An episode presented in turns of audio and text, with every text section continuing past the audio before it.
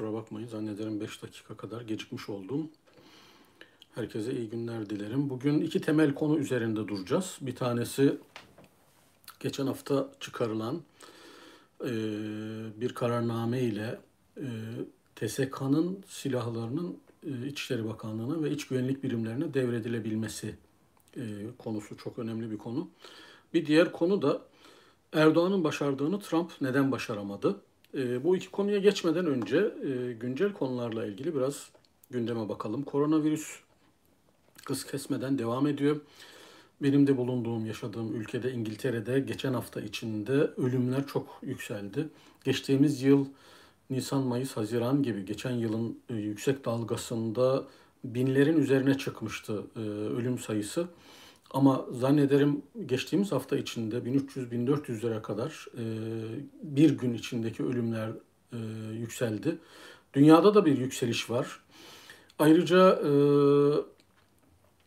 Dünya Sağlık Örgütü'nün ifadesine göre koronavirüsün hiç görülmemiş bir versiyonu e, tespit edilmiş. Koronavirüs e, kendisini bir şekilde modifiye ediyor, yeniliyor. İngiltere'de bir e, türü çıkmıştı. E, ayrıca yine koronavirüsle ilgili olumsuz haberlerden bir tanesi de şu. Koronavirüsü geçirdiği, atlattığı halde üzerinden 6 ay geçtikten sonra e, kalıcı hasarların olduğu, vücutta ciddi tahribatın olduğuna dair de haberler var. Bu yönüyle şu uyarıyı herkese yapmak lazım. Yani bu virüsü hafife almayalım. Küçük bir virüs insanların hayatını mahvediyor, toplum hayatını mahvediyor. Bütün dünyayı bir şekilde e, evlere hapsetmiş oldu, dünyadaki düzeni değiştirmiş oldu. Koronaya karşı laka, lakayt kalmamakta yarar var, tedbir almakta yarar var. Muhtemelen bu yaza kadar e, koronayla mücadele devam edecek. Korunmaya, dikkat etmeye, mesafeye devam etmek gerekiyor.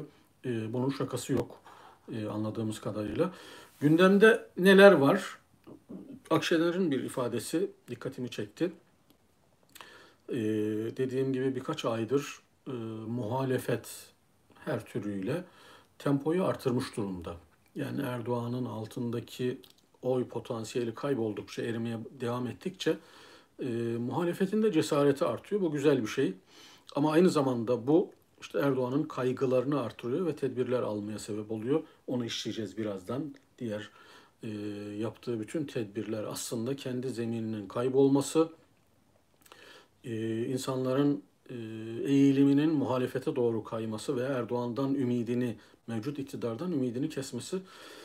Akşener demiş ki bir saniye Cumhurbaşkanı ol be kardeşim demiş Erdoğan'a hitaben. Çok doğru. Cumhurbaşkanı adı üstünde Cumhur'un yani Türkiye'deki 83 milyonun başkanı.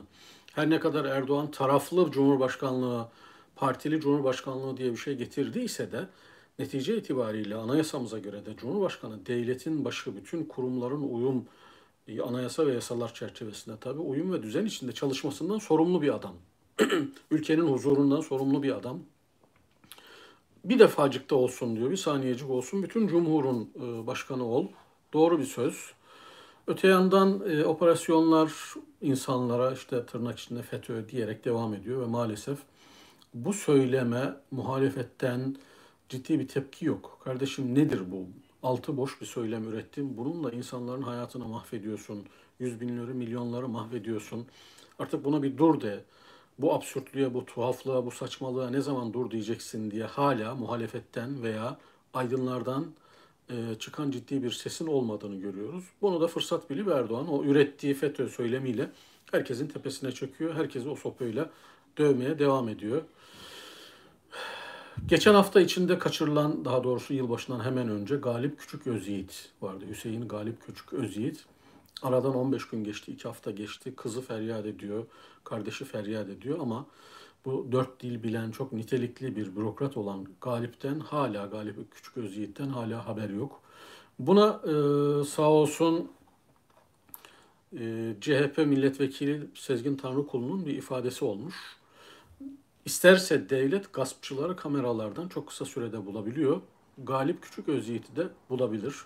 Maalesef devlet 90'ları aratan, 90'larda en azından sınırlı sayıda insan kaçırılıyor idi.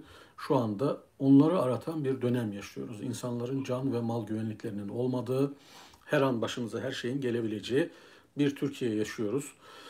E, mevcut Türkiye resmeden haberlerden birisi de şu olsa gerek. Hatırlayın iki ay kadar önce, üç ay kadar önce yaz dönemiydi zannederim. İki tane köylüyü alıp sorgulayıp helikopterden atmışlardı. İşte o helikopterden atılan Osman Şiban ölümden döndü. Bir tanesi vefat etti zaten Allah rahmet eylesin. O köylerden birisi vefat etmişti helikopterden atılıp. Sağ kalan, o da ciddi hasar aldı ve muhtemelen tedavi olduğu oluyor. Onu da gözaltına almışlar. Yani insanları ra işkence etmekle, eziyet etmekle kalmıyorlar. Helikopterden atıyorlar sıradan köylüleri. Hala peşini bırakmıyorlar. Gidip bir de tutukluyorlar. Muhtemelen bu kişiyle ilgili yapılan haberler, bunun bir kısım konuşmaları e, iktidar rahatsız etti. Ondan dolayı susturmak için gözaltına alındığını düşünüyorum. evet, e, geçen haftanın önemli olaylarından bir tanesi de şu. İki ana haberden bahsedeceğiz, olaydan bahsedeceğiz demiştik. Bir tanesi Trump e, seçilemedi, seçimleri kaybetti. E, ve bu ayın 20'sinde tamamen iktidardan inmesi gerekiyordu. Geçen hafta içinde hiçbir dönemde Trump ben seçim yenilgisini kabul ediyorum demedi. Hep e, Biden tarafını yani demokratları suçladı, seçimde hile oldu, çalındı filan diye. E, sıra, sürekli tweetler attı, kendi kitlesini provoke etti. Şunu da Amerika'daki yani dünyanın en büyük demokrasisi, e, en güçlü demokrasilerinden birisi, aynı zamanda en güçlü ekonomilerinden birisi, refahın olduğu, huzurun olduğu, eğitimin yüksek olduğu bir yer. Trump'ın geçen hafta kendi kitlesini sokaklara salıp kongreye basmaları ve altı insanın ölmesi, Amerika'nın karışması bize şuna gösteriyor. Aslında eğer hangi toplum olursa olsun, hangi devlet olursa olsun, anayasası, yasaları ne kadar demokratik olursa olsun, toplumların belli bir kesimi yani yüzde otuzluk, kırklık bir kitle her zaman manipüle edilmeye müsait. Her zaman e, tutucu, ırkçılığa yakın, e, muhafazakar tarafları olan, komplo teorilerine inanan, işte e, bir yönüyle gelenekçi tarafları güçlü kitleler oluyor ve siyasetçiler bu kitleleri çok rahat bir şekilde manipüle edebiliyorlar, tahrik edebiliyorlar ve bu kitleler de bu popülist siyasetçilerin Erdoğan gibi, Trump gibi popülist siyasetçilerin yalanlarına kanma eğiliminde. Nitekim Türkiye'de yaşanan onca şeye rağmen yani 17-25'ten bu tarafa sadece o hırsızlık vakalarının dünyanın en net tespitiyle tespit edilmesi değil. Yani insanlar çöpten ekmek topluyor, işsizlik, yolsuzluk, yoksulluk yani o kadar çok problem var ki ama buna rağmen hala Erdoğan ve cenahının ürettiği yalanlara yüzde otuz nispetinde insanlar e, inanıyorlar maalesef. İşte Trump da geçtiğimiz hafta içinde e, tweetlerinden kendi kitlesini sokaklara döktü. On binlerce insan Washington'da yani Amerika'nın başkentinde kongre binasını Türkiye Büyük Millet Meclisi olarak düşünebilirsin. Yani parlamento binasını bastılar. Bunların içinde silahlı insanlar vardı. Camları kırdılar. Ee, içerideki odalara girdiler. O anda parlamentonun çalışmasını, faaliyetlerini engellediler. Ee, parlamenterler, senatörler kaçmak zorunda kaldılar, saklandılar. Polis onları himaye etti ve bu sırada e, toplamda 6 kişi öldü ve Amerika, bütün dünya sadece Amerika değil, bütün dünya şoka girdi. Yani güvenliğin yüksek olduğu, demokrasinin olduğu bir ülkenin tam da göbeğinde böyle bir şey nasıl olabilirdi? E, bütün Amerikalıları çok şiddetli bir şekilde sarstı. Bütün dünyayı da sarstı. E, otoriter ülkelerin yani Rusya, Çin gibi ülkelerin Trump'ın 2016'daki seçimlerinde de gördük. Demokratik ülkelerin o demokrasisinden, rahatlığından, düşünce özgürlüğünden yararlanarak o ülkeleri manipüle etme, provokatif eylemler yapma, onları organize etme gibi çabalarının olduğunu biliyoruz. Trump'ın seçimi döneminde de bunlar oldu. Hatta e, Facebook üzerinden o bilgilerin alındığı, paylaşıldığı, böyle etki gruplarının, provokatif grupların oluşturulduğu filan ortaya çıktı ve bunlarla ilgili dava açıldı. Facebook'a ciddi cezalar da e, yazıldı ve Facebook açık mahkemede ifadeler vermek zorunda kaldı Zuckerberg. E, bütün bunları bir araya getirdiğimizde aslında demokrasilerin çok da köklü olmadığını, kırılgan olabildiğini, demokrasileri korumak için, hukuk düzenini korumak için kurumların, toplumun, kamuoyunun, her kesimin dikkatli ve duyarlı olması gerektiğini bize gösterdi. Ee, ironik olan şeylerden birisi de şuydu. E, Türkiye'den de e, Amerika'daki gösterilerde göstericilere sert davranılmaması, işte e, gösteri ve nümayiş ifade hürriyetine dikkat edilmesi gibi açıklamaların yapılması içten içe hepimizi güldürdü. Yani 84-80 yaşındaki, 80 yaşındaki yaşlı amcaların sadece e, bir hayır kurumuna hayırda bulunduğu, burs verdiği için kelepçelenip hapse atıldığı bir ülkenin işte zannederim meclis başkanıydı bunu yapan. Meclis başkanı böyle bir açıklama yapıyor. Yani Amerika'ya ifade hürriyetine dikkat edin, göstericilere sert davranmayın diyor. Aynı anda işte Boğaziçi'lilere yapılanı gördük. Boğaziçi Üniversitesi'ne yapılanı gördük. Peki bu vakada Trump'ın başarısız olmasının sebebine tırnak içinde yani Erdoğan'ın başardığını Trump neden başaramadı? Bunun sebepleri üzerinde biraz duralım isterseniz. Bunun birkaç sebebi var arkadaşlar. bir zaman en önemli unsur zaman. Trump'la Erdoğan'ın kumaşının çok benzer olduğunu düşünüyorum. Yani birisi fakirlikten gelmiş, varoşlardan gelmiş ve saltanatı gücü bulunca e, şımarmış, dünyanın en zenginler arasına girmiş birisi. Birisi de babadan zengin, şımarık büyümüş, parasının haddi hesabını bilmeyen ama işte Amerikan başkanı olduğu zaman bile herhangi bir işçi kadar vergi vermeyen, dünyanın her yerinde otelleri, iş yerleri olan zengin bir adam. İkisi de muhteris, ikisi de yalancı, büyük yalanlar söylüyorlar. İkisi de yasaları delme, kamuoyunu manipüle etme, illegal araçları kullanma noktasında hiçbir sınırları yok. Ee, işte mesela e, muhalifini alt edebilmek için işte Ukrayna'daki bir kısım gruplarla Trump'ın görüşmesi de medyaya yansıdı. Yani illegal e, ilişkileri, bağlantıları. Peki aradaki fark ne? En önemli farklardan bir tanesi zaman meselesi. Eğer Trump da Erdoğan gibi 4 yıl değil, mesela 8 yıl, 2 dönemin sonunda bunu yapmış olsaydı Amerika'da 8 e, yılla ve 2 dönemle sınırlı başkanlık.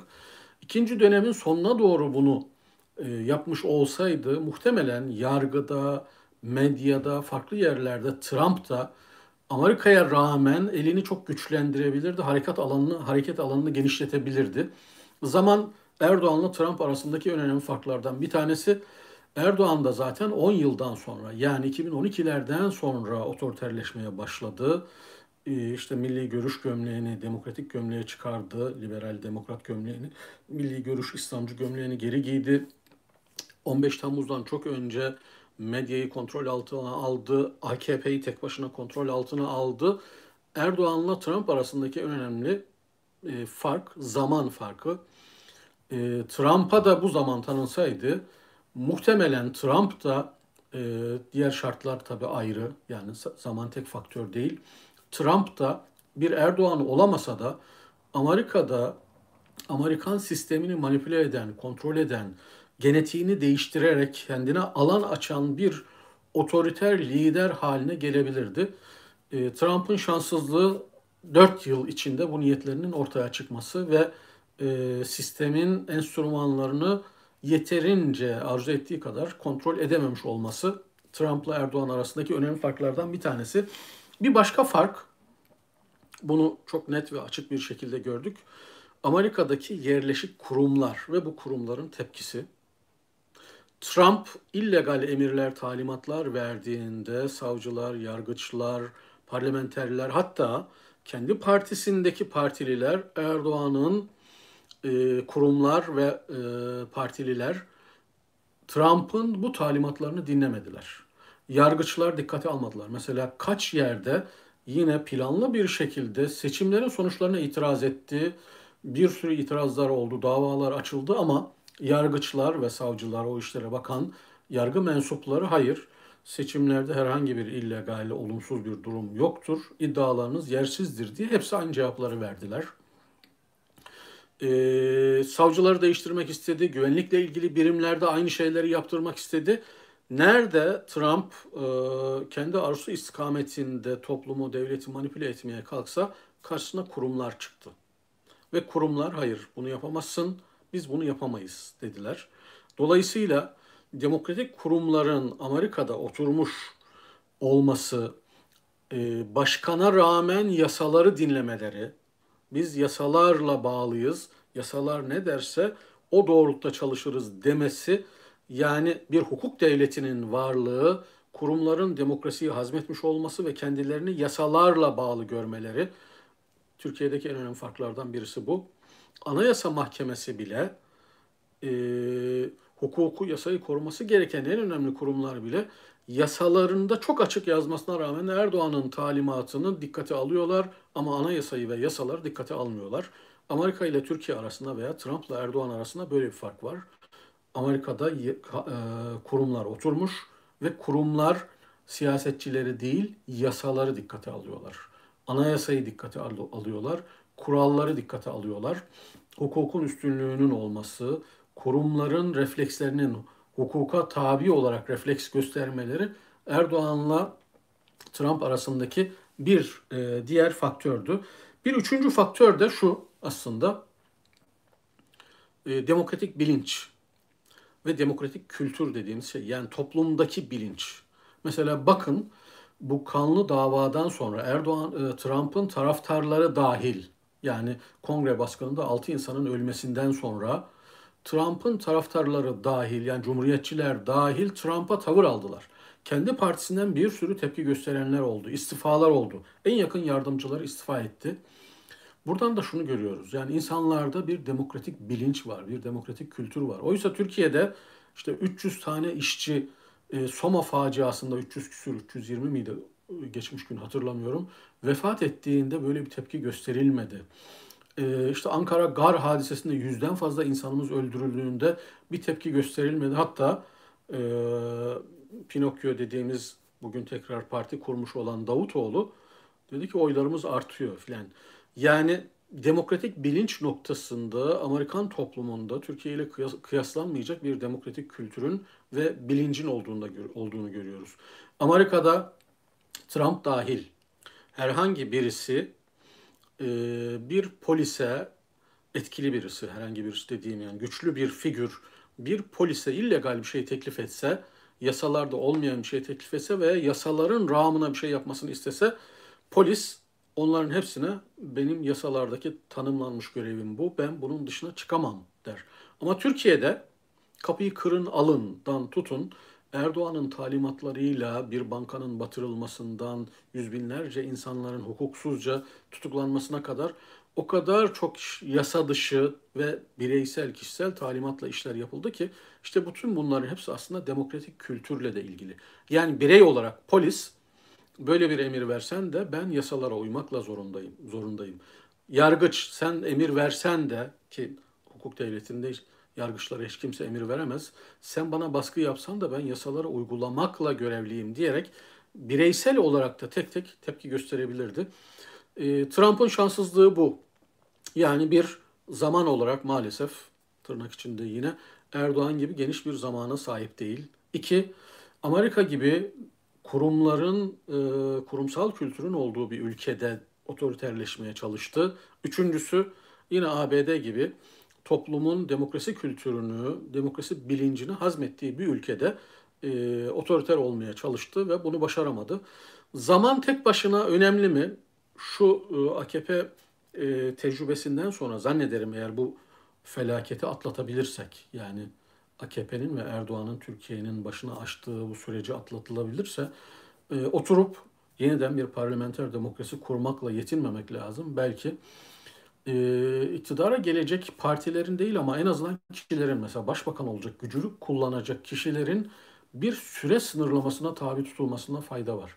En azından mesela üst üste belli bir yılı geçmemeli. 8 yılı geçmemeli mesela. Üst üste bir adam Erdoğan gibi veya başka biri 8 yıl iktidarın bütün unsurlarını kullanmamalı. Çünkü üst üste iktidarın bütün gücünü kullandığında bu tür insanlar yani yozlaşmaya, otoriterleşmeye, diktatörleşmeye müsait insanlar o alanları kendine göre dizayn ediyor. Dirençleri kırıyor ve kurumları, kişileri de yozlaştırıyor. O alanı kontrol ediyor.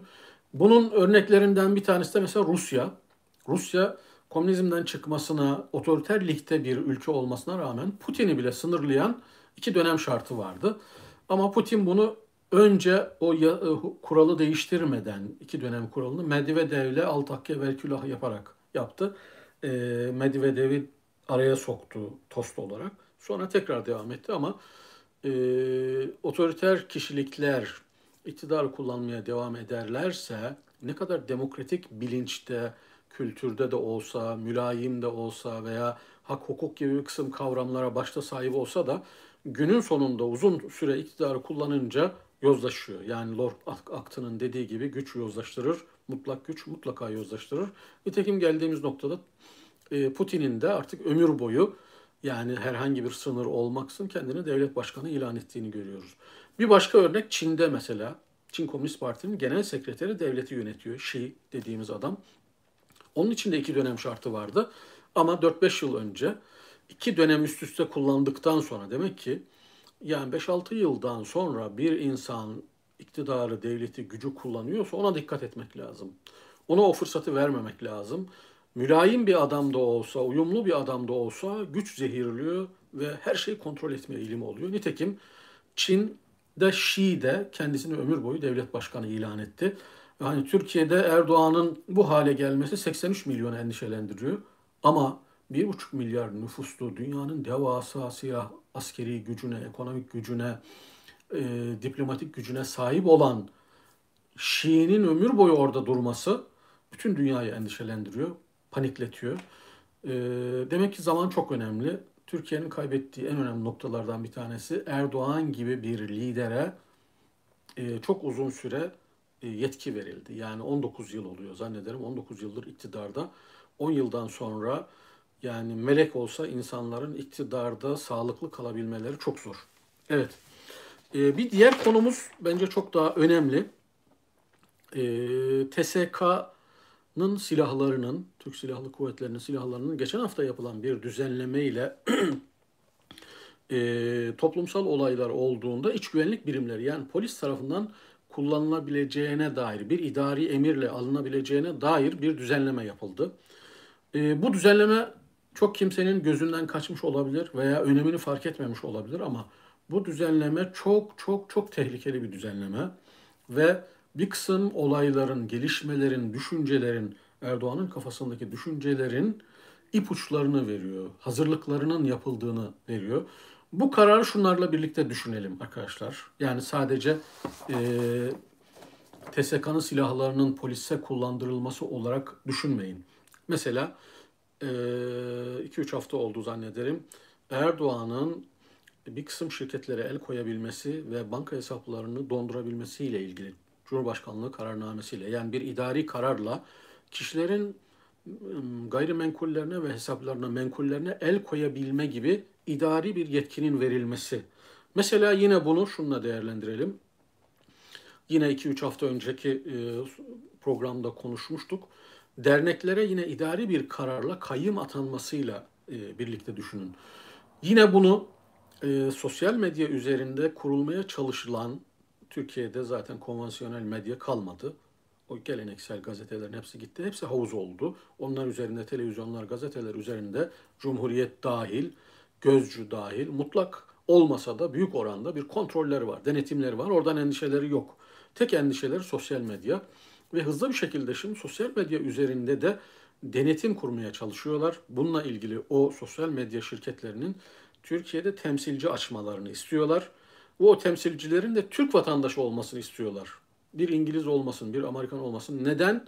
Türk vatandaşı olsun ki onun üzerinde rahatlıkla baskı kurabilelim, etkileyebilelim, tehdit edebilelim, talimat verebilelim. Sosyal medya üzerinde de hızla yaklaşan bir tehlike var. Yani sosyal medyayı da Erdoğan bu gidişle er geç kontrol edecektir. Etmek isteyecektir. Edemezse kapatma yoluna gidecektir. Aynen Çin'de olduğu gibi, aynen Kuzey Kore'de olduğu gibi. Yine bu e, gelişmeyi yani TSK'nın silahlarını polisin kullanabilmesi meselesini Sadat'ın suikast timleri eğitimiyle birlikte değerlendirin. AKP'nin parti teşkilatlarına silah dağıtmasıyla birlikte değerlendirin. IŞİD gibi radikal dinci, İslamcı grupların Türkiye içinde organize edilmesi ve bunların AKP payandalı destekli bir şekilde aktif olmalar, örgütlenmiş olmalarıyla birlikte değerlendirin. Peki bu ne anlama geliyor? Yani bu silahlı e, TSK'nın silahlarını kullanma evveliyatı olan bir şey. Bütün bunları topyekun birlikte değerlendirmek lazım. Ne anlama geliyor?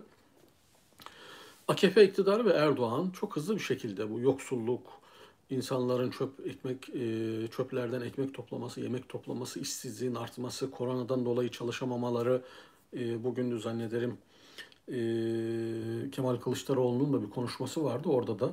İnsanlar aç. Yani artık geçinme diye bir şey yok. Aç kalma diye bir tehlike var Türkiye'de. Karnını doyuramayan insanlar var. İşsizlik filan yüzde otuzlarda, kırklarda, enflasyon keza yüzde otuzlarda, kırklarda, ekonomi bitti, üretim bitti, her şey bitti. Ve bu doğal olarak Erdoğan'ın ve AKP iktidarının oy potansiyelini hızlı bir şekilde düşürüyor. Hızlı bir erime var.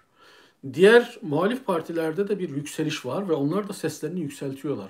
İşte tam da bu nedenlerden dolayı Erdoğan hep söylüyoruz seçimle gidemez. Seçimle gitme gibi bir lüksü yok. Oturduğu yeri çok kirlettiği için e, gitmemek için diretecektir.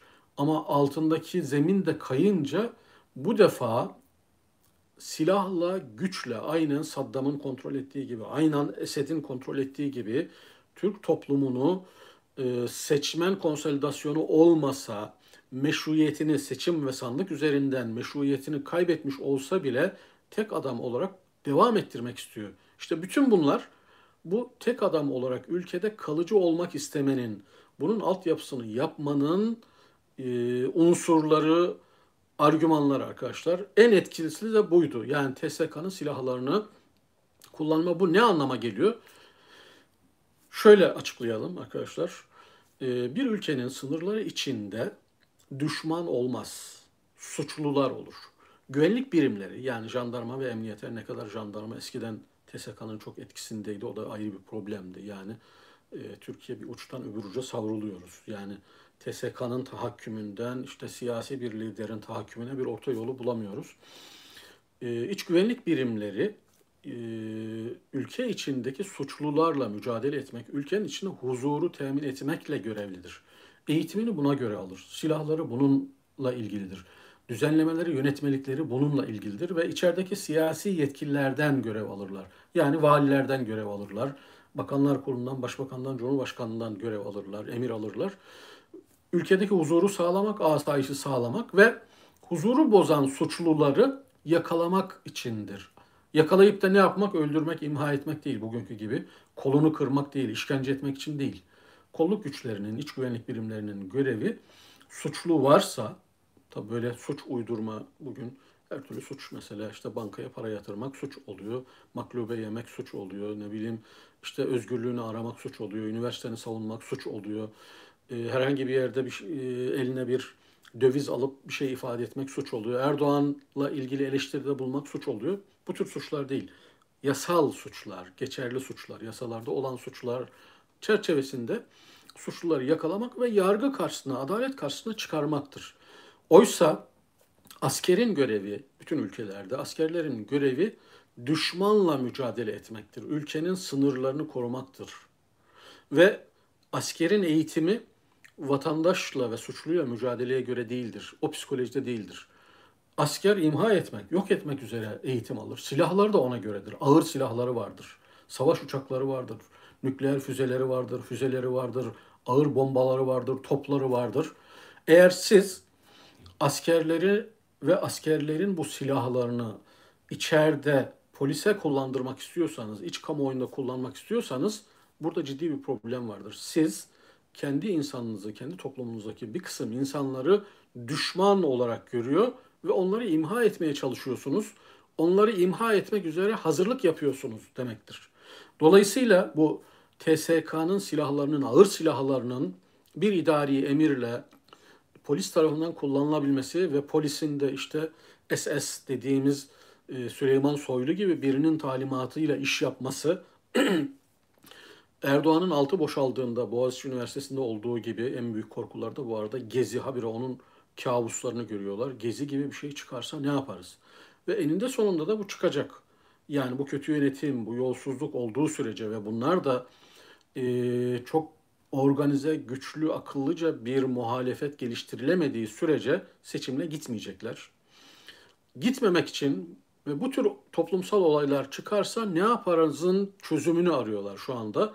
Ve bununla ilgili işte suikast, suikast timleri yetiştiriyorlar Sadat'a. Neydi onun başındaki bir zat, sakallı bir zat. Ee, işte o nedenle polis güçlerinin toplumu ezebilmek için, üzerine bomba yağdırabilmek için ağır silahlarla e, donatıyorlar. Mal varlıklarına el koymak için hazırlık yapıyorlar. Sosyal medya üzerinden örgütlenebilir diye sosyal medyayı tamamen sindirmeye çalışıyorlar. Yani e, ülkeye yaklaşan iyi bir şey değil. Bu düzenleme Erdoğan'ın kafasında seçimlere gitme, seçimleri kazanma, kaybetme gibi değil. Ben e, toplum desteğini kaybettikçe e, ülkede oturabilmek için neler yapmalıyım diye düşünüp güç unsurlarını, illegal unsurları kendi elinde tutup toplumu sindirme, toplumu baskılama, aynen Esed'in yaptığı gibi ağır bir baskıyla ülkenin belki e, pek çok insanın öldürülmesine, ülkenin tahrip edilmesine rağmen iktidarda kalma, koltuğunu koruma iradesi gözülüyor, gözüküyor. Bu çok tehlikeli bir şey. Bunu Türkiye aşabilir mi? Kanaatimce Türkiye e, Erdoğan'a haddinden fazla güç verdi ve demokratik yollarla veya yasal yollarla, hukukla, ne bileyim veya parlamentoyla, parlamento çoğunluğuyla filan Erdoğan'ın bir şekilde bu güçlerinin geri alınması imkansız hale geldi. Yani o o köprüden geçildi. O aşama geçildi. Ama şöyle bir gelişme de var tabii. İç kamuoyu ve e, aydınlar, Türkiye'de canı yanan insanlar, bu iktidardan zarar gören ve değişmesini isteyen, isteyen insanlar ki bugünlerde bunun %70'lere ulaştığını düşünüyorum ben. Çok hızlı bir şekilde kaybediyor. Hep bahsettiğim gibi bu yılda belki dibin dibini görecek. Tamamen ülkenin ekonomisi çökecek, insanlar fark edecek. AK Parti'den ve Erdoğan'dan nefret ve uzaklaşma daha hızlı artacak. Trump'ın değişmesi, demokratların iktidara gelmesi, ondan sonra Avrupa'daki e, Türkiye'ye Erdoğan'a karşı daha doğrusu Erdoğan iktidarına karşı Türkiye yanlış olur. Tepkinin gelişmesi, tavrın gelişmesi e, sevindirici bir haber. Onların da desteğiyle yani iç güç iç güçlerle, iç dinamiklerle yasayla, hukukla, demokrasiyle, seçimle, sandıkla Erdoğan'ı götürmenin imkanı kalmadı. Gitmemek için de Erdoğan silahlanıyor zaten. Yani istihbarat onun elinde, emniyet onun elinde, bütün kurumlar onun elinde. Yeraltı bir sürü unsurlar var, onları kullanabilir. Amerika'daki değişim önemli, Avrupa'nın baskısı önemli. Ee, ama burada da şöyle bir şey var. İşte onlarla Türkiye'deki muhalifler koordineli ve akıllıca çalışabilirlerse belki temennim o ki Türkiye'de bir iç savaşa, iç kargaşaya düşmeden, ülke har harap edilmeden, tahrip edilmeden Erdoğan iktidarından belki bir ihtimal akıllıca politikalar izlenirse, stratejiler izlenirse e, kurtulmak mümkün olabilir. Ama bunlar yapılamazsa, dikkatli bir beyin ameliyatı gibi bunlar yürütülemezse hiç şüpheniz olmasın Erdoğan ve çevresindeki insanlar Türkiye'yi Suriye yapmaktan çekinmezler. Esed'in kendi ülkesine tahrip ettiği gibi, insanlarını böldüğü gibi, insanlarını bombaladığı gibi bombalar, yok eder, kitlesel eylemler olursa, nümayişler olursa, gezi gibi bunların tepesine binmekten asla çekinmez. Bu konuda dünyanın tepkisini de dinlemez. Ha, dünyanın, Avrupa'nın, demokratik dünyanın Erdoğan karşıtlığına ne kadar güvenmeliyiz, ne kadar onu dikkate almalıyız o da ayrı bir problem. Hatırlarsanız bütün ülkelerde Tunus'tan tutun, Suriye'den, Irak'tan tutun hepsinde bir Arap Baharı olacaktı, bir demokratikleşme rüzgarı olacaktı. Avrupalı ülkeler pragmatisttir. Destek verdiler mesela. Halkları sokaklara döktürdüler. Demokrasi geliyor filan diye böyle haberler yaptırdılar. Suriye'de özellikle halk sokaklara indi. Mısır'da keza öyle. Ondan sonra halkı diktatörleriyle, o ağır silahlarla baş başa bıraktılar. Türkiye'nin geldiği nokta maalesef çok acı bir nokta. Yani Türk toplumu Erdoğan gibi bir narsist, egoist ve e, zulmetme noktasında sınırları olmayan e, bir adama gücü önemli oranda teslim etti.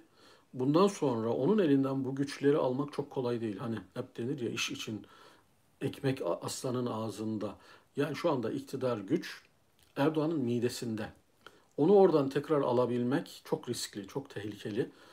Ee, Allah ülkemize, insanımıza e, yeni kapılar açsın inşallah. Bir iç savaştan, bir karanlık tablodan, e, Erdoğan ve çevresindeki iktidarı mahkum, onu kullanmaktan başka yolu olmayan insanların bu ağır silahlarla kendi milletini imha etmesinden muhafaza etsin. Dua etmekten başka bir e, çözüm gözükmüyor. Bir de belki işte muhalefetin birleşerek amasız fakatsız akıllıca bu Erdoğan'ı bir milli problem olarak görüp bundan nasıl kurtuluruz ve toplum zarar görmeden, ülke zarar görmeden veya en az hasarla e, kendi başımıza açtığımız bu beladan, bu musibetten nasıl kurtuluruzun yollarını araması lazım. Evet. Allah e, ülkemize merhamet etsin.